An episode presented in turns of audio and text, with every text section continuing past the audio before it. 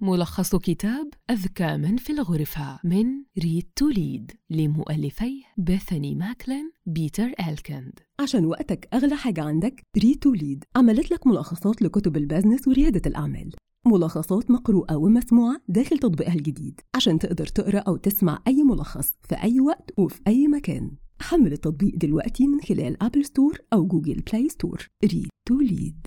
أصبحت شركة أونرون شركة الطاقة والسلع والخدمات الأمريكية المهيمنة ذات يوم تعرف باسم مرادف للاحتيال والفساد والديون الكارثية. من المحتمل أن يكون سقوط أنرون من القمة أكثر قصة عمل فاضحة في عصرنا حيث تتبع أرباحها المتصاعدة بشكل صاروخي أكبر قضية إفلاس في تاريخ الولايات المتحدة. ولكن كيف يمكن لشركة محترمة أن تصل إلى قمة عالم الأعمال لتنهار في مأساة اقتصادية؟ في هذه الملخصات سوف تغامر بالتعرف على ماضي أنرون للتعرف على الأشخاص الرائعين وراء هذه الفضيحة الشائنة. وسوف ترى كيف يمكن أن يؤدي الجشع والخداع إلى مثل هذا الزوال المأساوي. سوف تكتشف أيضاً لماذا كان الأشخاص المهووسون بالغرور والطعن بالظهر موضع ترحيب في أنرون. كيف يمكن تمويه الهياكل المالية بشكل خفي للديون؟ ما الذي دار في اجتماعات الشركة المغلقة؟ إنرون الشركة التي انتهت عقود من خداعها بالإفلاس كادت أن تواجه نفس المصير بعد عامين فقط من التأسيس. هل شعرت يوما أن التاريخ يعيد نفسه؟ من المؤكد أن الأمر بدأ على هذا النحو.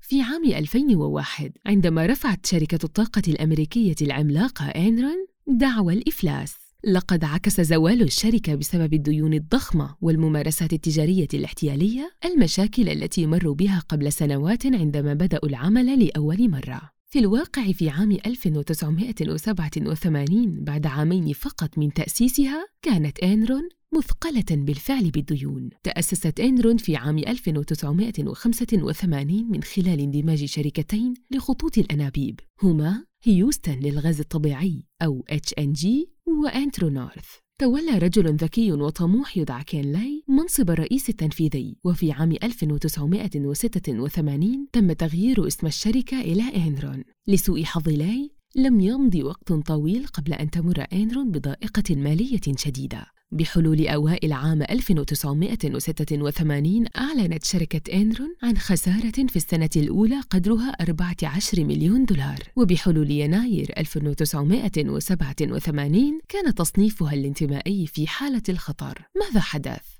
كانت إنرون منخرطة في ممارسات تجارية غير شريفة. أوصلت الشركة إلى حافة الإفلاس. وكان هناك قسم فرعي محدد يسمى إنرون أويل يسبب أكبر المشاكل. لم تكن شركة إنرون للنفط تنتج النفط أو تبيعه. ولكنها كانت ببساطة تضارب على أسعار النفط. ليس هذا فقط بل كان تجار النفط يتلاعبون بأرباحهم على سبيل المثال يقيمون صفقات مع شركات وهمية تسمح لهم بخسارة فادحة في عقد واحد. فقط لإلغاء هذه الخسائر يقومون بعقد ثان يولد نفس القدر من الأرباح. لقد مكنتهم خسائرهم الوهمية من نقل الأرباح من ربع إلى آخر. كانت إنرون تحاول أن تثبت لوول ستريت أنها يمكن أن تحقق ربحا متزايدا بشكل مضطرد وهو اتجاه يسارع سوق الأسهم إلى مكافأته. ومع ذلك بحلول عام 1987 تعرضت لعبة تداول النفط لشركة إنرون لخسارة كبيرة في رهانات عالية المخاطر حيث كانت الشركة بأكملها على وشك الإفلاس. لكن كين لاي كان مستعدا للتصرف وأكد للمحللين في وول ستريت أن هذا الانكماش كان مجرد حدث غريب لا يمكن أن يكرر نفسه أبداً ولكن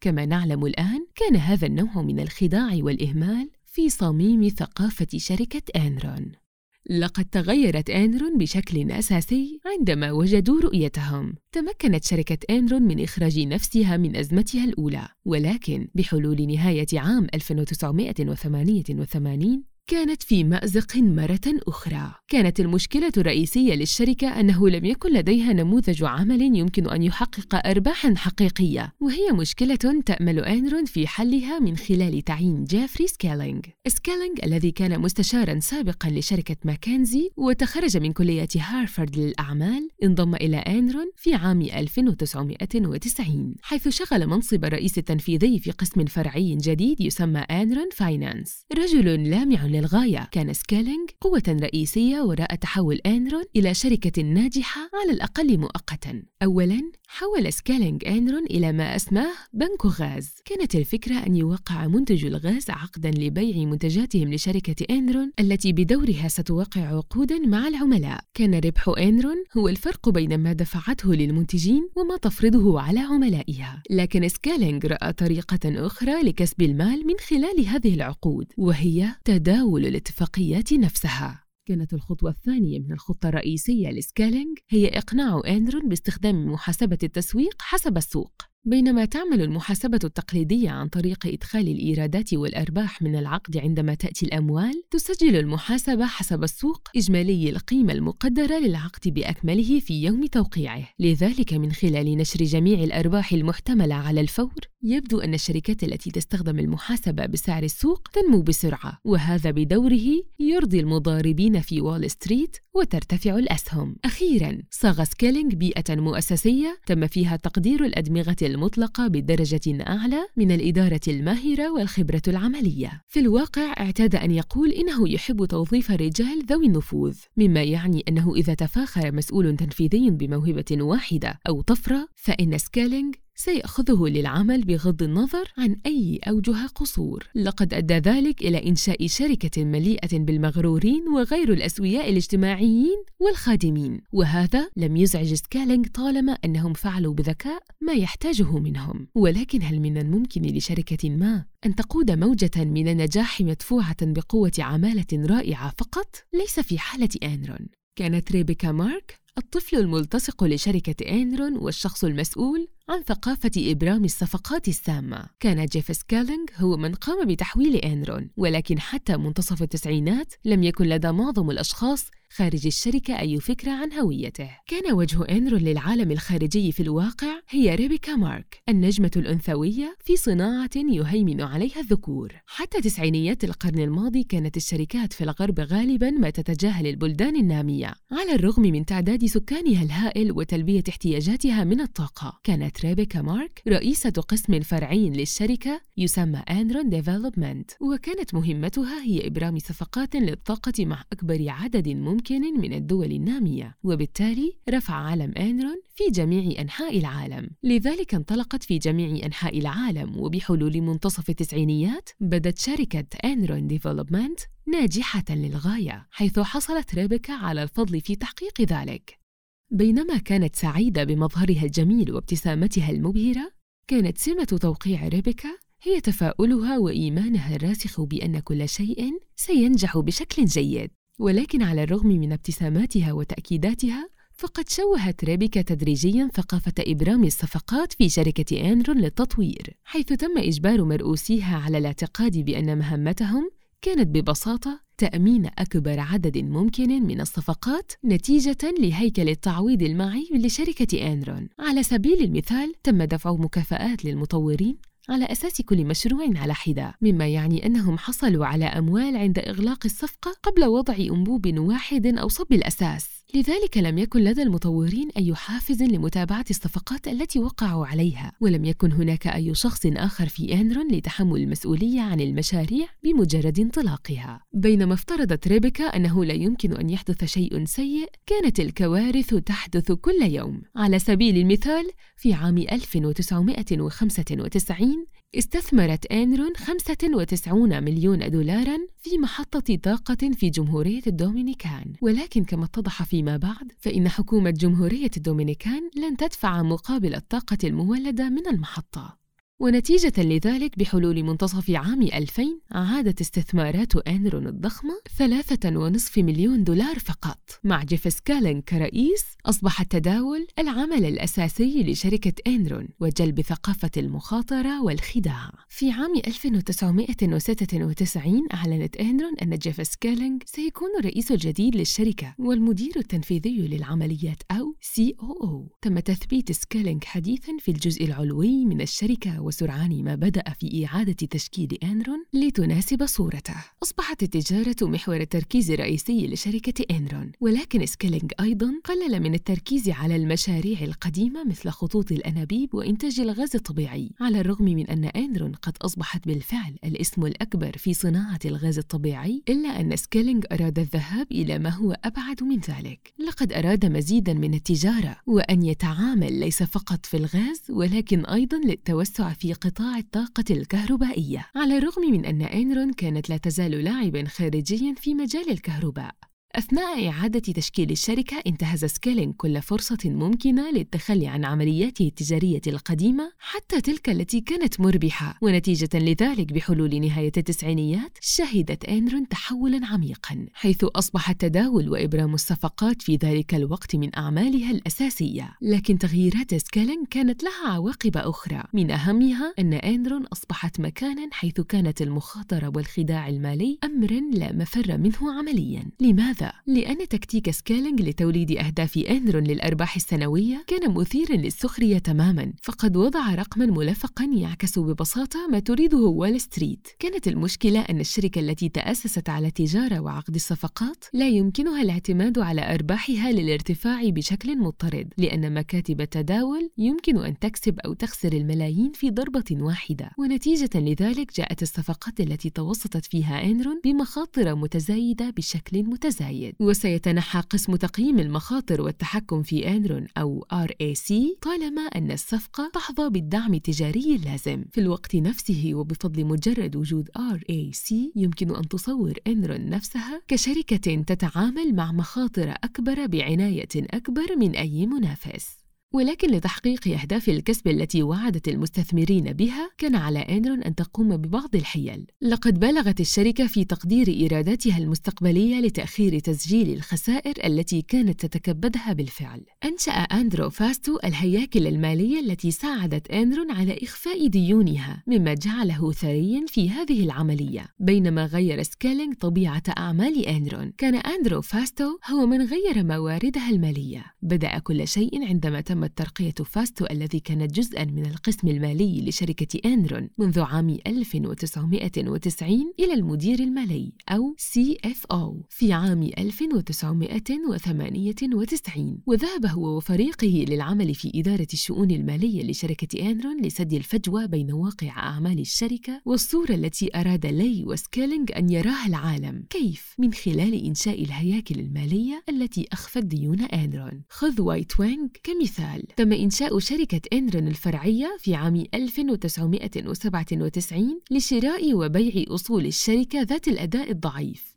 قامت سي إنرون ببناء محطة طاقة بتكلفة ثمانية ملايين دولار وتوقعت أن تبلغ قيمة المحطة عشرة ملايين دولار. ستحقق الشركة ربحا قدره 2 مليون دولار في دفاترها. عندما كان أداء المصنع ضعيفا حيث بلغت قيمته السوقية 7 ملايين دولار فقط كان ينبغي على أنرون أن تمحو 2 مليون دولار من الأرباح التي سجلتها واستبدلت بها خسارة قدرها مليون دولار. لكن بدلا من ذلك كانت أنرون تبيع المصنع إلى وايت وينغ مقابل 10 ملايين دولار كاملة. ستقوم وايت وينغ بدورها ببيعها مقابل سبعة ملايين دولار ويتم تعويضها بالمبلغ المتبقي البالغ ثلاثة ملايين دولار في أسهم إنرون. الأسهم التي تبلغ قيمتها ثلاثة ملايين دولار والتي أصدرتها إنرون لن تظهر كخسارة في الدفاتر. فقد خبأت الشركة أساسا خسارة قدرها مليون دولار كأرباح قدرها 2 مليون دولار. فاستو لم يكن يجني الأموال لشركة إنرون فحسب. لقد عرف كيف يدفع لنفسه أيضا. على سبيل المثال بدأ بدأ في عام 1999 صندوقا يسمى LJM سمي بالأحرف الأولى من زوجته وولديه ليا وجيفري وماثيو. بخلاف شركة وايت وينغ استثمرت LJM في أسهم إنرون ذات الأداء السيء وهو المشروع الذي سمح للشركة بإبقائها خارج ميزانياتها العمومية. ومع ذلك كان فاستو يترأس LJM بينما كان يشغل أيضا منصب المدير المالي في إنرون وقد كان تضاربا واضحا في المصالح لأنه كان بإمكانه التفاوض مع نفسه بشكل أساسي في النهاية. سمحت له المناصب المزدوجة لفاستو بجني عشرات الملايين من الدولارات في أرباح شخصية بهدوء. اعتقد جيف سكالينج أنه وجد مستقبل إنرون في الطاقة الكهربائية والنطاق العريض لكن كلاهما فشل. لم تستطع إنرون تحمل ممارسات المحاسبة الاحتيالية إلى الأبد. اعتقدت الشركة أن محافظتهم على الحياة من شأنها أن تبقي أعمالهم تبدو جيدة حتى توصل سكيلينج إلى خطة أخرى لتحقيق أرباح حقيقية. كانت فكرة سكيلينج الأولى هي الدخول في أعمال الطاقة الكهربائية ويرجع ذلك أساساً إلى أنه بحلول منتصف التسعينيات تم تنظيم الكهرباء بالتجزئة من قبل حكومات الولايات. كانت إنرون تعتمد على حقيقة أن السوق سوف يتم تحريره في نهاية المطاف. وعندما يحدث ذلك سيكونون في وضع مثالي لبيع الكهرباء مباشرة للشركات والمنازل في جميع أنحاء البلاد. كانت هناك مشكلة واحدة فقط وهي أن مزود الطاقة المحليون نظموا رد فعل عنيف لوقف إلغاء القيود مما أدى فقط إلى عدد قليل من الولايات لكبح اللوائح فعليا بعد كل شيء. وفي ولاية كاليفورنيا وهي الولاية التي سمحت لشركة إنرون ببيع الطاقة مباشرة للعملاء أنفقت إنرون أكثر من 20 مليون دولار على الإعلانات لجلب أعمال جديدة. ومع ذلك على الرغم من الخصومات التي يمكن أن تقدمها إنرون لم يكن المستهلكون مستعدين للابتعاد عن الأداة المساعدة الموثوقة التي كانوا يستخدمونها دائما في الماضي. بالإضافة إلى ذلك فإن إنرون ببساطة لا تنتمي إلى مجال الكهرباء. على سبيل المثال لجذب العملاء وعدت الشركة إنرون بإجراء تحسينات هائلة على الكفاءة. لقد كانت المشكلة الوحيدة هي أنه لم يكن لديهم أول دليل على كيفية القيام بذلك. حسب ذلك كانت خطة سكيلينج الأولى إفلاسا. لكن ماذا عن خطته الثانية؟ حسناً لقد اتضح أنها فشل ذريع أيضاً. قدم مهارة النطاق العريض باعتباره الشيء الكبير لشركة إنرون متسائلاً عن سبب عدم مقدرة إنرون على تداول سعة النطاق الترددي تماماً كما فعلت مع الغاز الطبيعي. لذلك في عام 1999 وعدت شركة إنرون بأنها ستكون قادرة قريبا على تقديم عرض النطاق الترددي في الوقت الفعلي عند الطلب. وللقيام بذلك فإنها ستبني نظاما جديدا متطورا لشبكة النطاق العريض. في ذلك الوقت رسمت إنرون نظامها على أنه مضاء ومختبر وجاهز. لكن في الواقع لم يكن قريبا من العمل على نطاق تجاري وقدر كبير من التكنولوجيا التي وعدوا بها لم تخرج من المختبر. كانت الحقيقة أن أنرون لم تتمكن من توفير عرض النطاق الترددي عند الطلب في ذلك الوقت ولم تفعل ذلك أبدا. أحب المحللون شركة أنرون على الرغم من أن العديد منهم كانوا يعرفون أن الشركة تخفي ديونها. بالنظر إلى ما تعرفه الآن عن إنرون قد يكون من الصعب تصديق أن توماس كون رئيس معهد إيديسون إلكتريك قال أن المديرين التنفيذيين في إنرون لديهم هالة الأطفال المتميزين والأولاد الذهبيين الذين لم يرتكبوا أي خطأ. في الواقع تم ذكر سكالينج ولاي في نفس الوقت مثل بيل جاتس من مايكروسوفت وستيف جوبز من شركة أبل.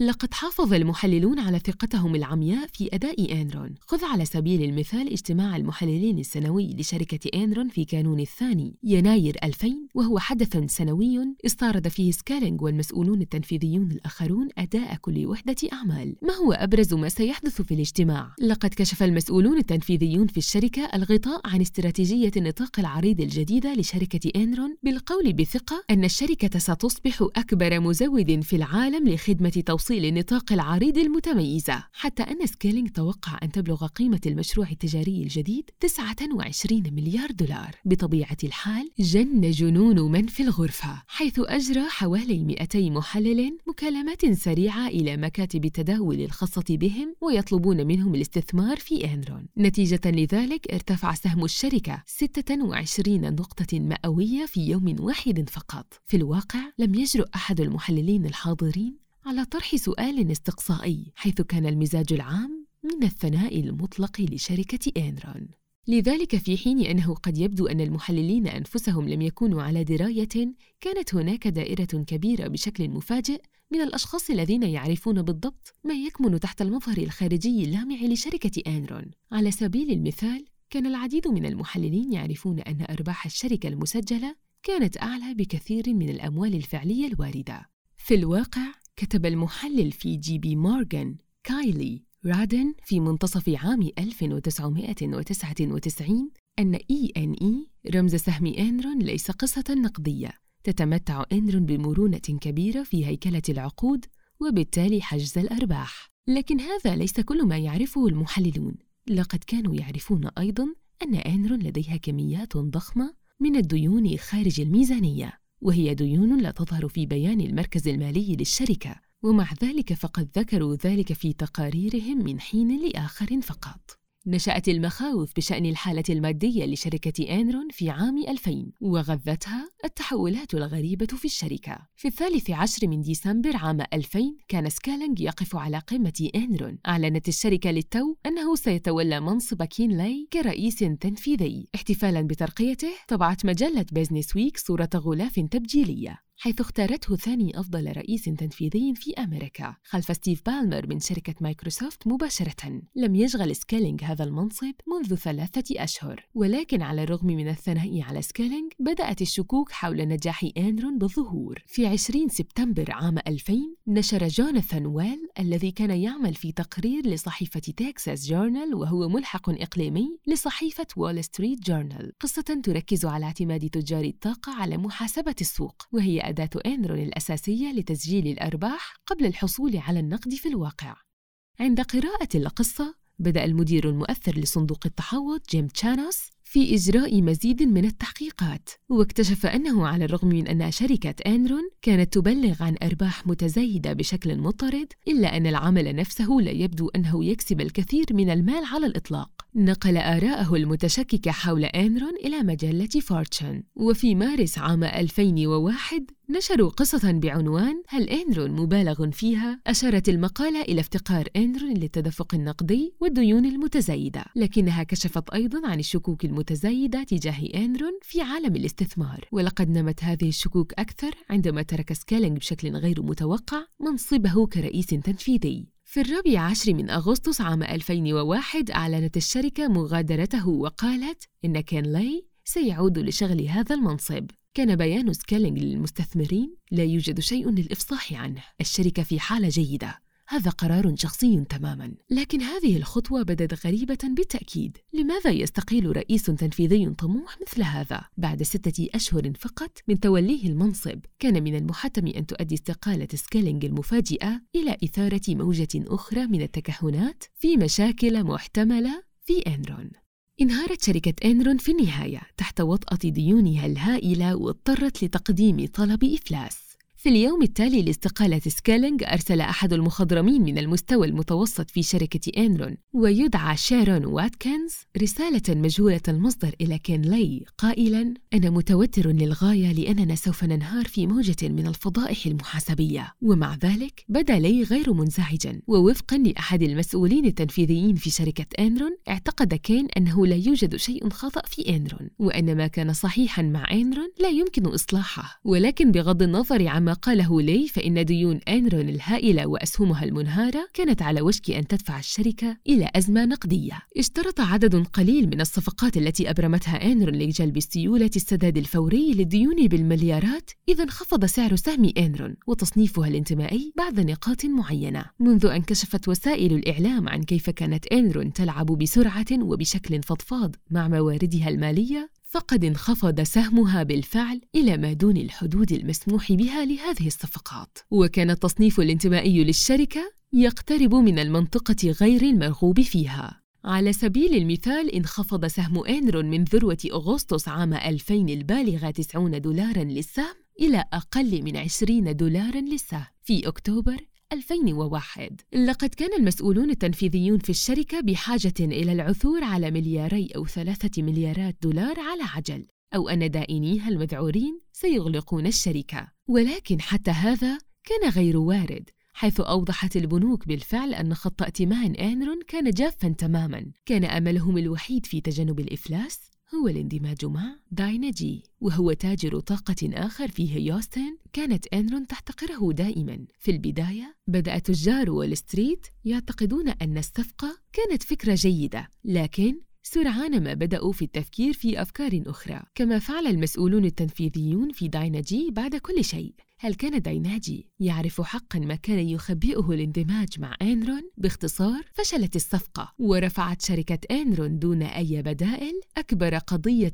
إفلاس في تاريخ الولايات المتحدة في الثاني من كانون الأول ديسمبر عام 2001 أدين كين لاي وجيفري سكيلينج وأندرو فاستو ومسؤولون تنفيذيون آخرون في أنرون بتهمة الاحتيال وحكم عليهم بالسجن. في أعقاب انهيار شركة أنرون نفى جميع المعنيين حتى مجلس الإدارة كل المسؤولية. ولكن بحلول عام 2003 بدأت تمثيلية هؤلاء في الانهيار. حيث بدأ المدعون العامون بوزارة العدل الأمريكية في إصدار قائمة طويلة من لوائح الاتهام. في النهاية تم توجيه الاتهام إلى 33 شخصاً من بينهم 25 مديراً تنفيذياً سابقاً في شركة إنرون. إليك ما حدث للأشخاص في مناصب القمة. لاي وسكالينج وفاستو ومارك في عام 2004 أقر فاستو بالذنب في جميع التهم. أمضى ست سنوات في السجن وأطلق سراحه في عام 2011 معترفاً بأنه شارك في مخططات لإثراء نفسه والآخرين على حساب مساهمي إنرون. وأضاف لاحقاً أنا وأعضاء آخرون في الإدارة العليا لشركة إنرون تلاعبنا بشكل احتيالي بالنتائج المالية المعلنة لشركة إنرون. لقد كان هدفنا هو تضليل المستثمرين وغيرهم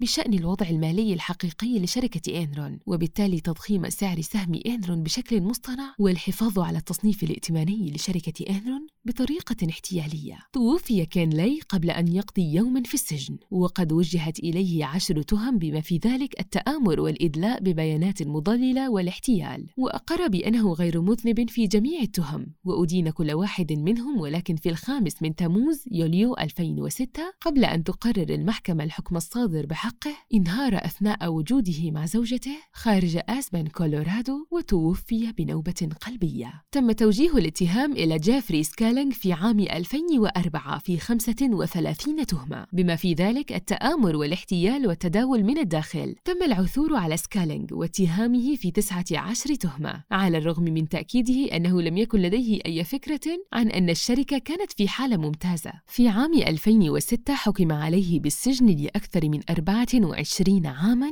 وغرامة قدرها 45 مليون دولار. ماذا عن ريبيكا مارك؟ غادرت شركة إنرون في أغسطس عام 2000 قبل ظهور الفضيحة على الملأ لقد باعت أسهمها في إنرون في ذروتها وحققت 82.5 مليون دولار ولم يتم اتهام مارك بارتكاب أي جرائم. ختاماً استخدمت شركة الطاقة العملاقة إنرون ممارسات تجارية احتيالية. بما في ذلك مجموعة أدوات من عمليات الاحتيال المحاسبية وثقافة إبرام الصفقات السامة لتضخيم مخزونها بشكل مصطنع. أدت التكتيكات المخادعة للشركة حتماً إلى انهيارها، والذي انتهى بأكبر قضية إفلاس في تاريخ الولايات المتحدة وعدد كبير من لوائح الاتهام.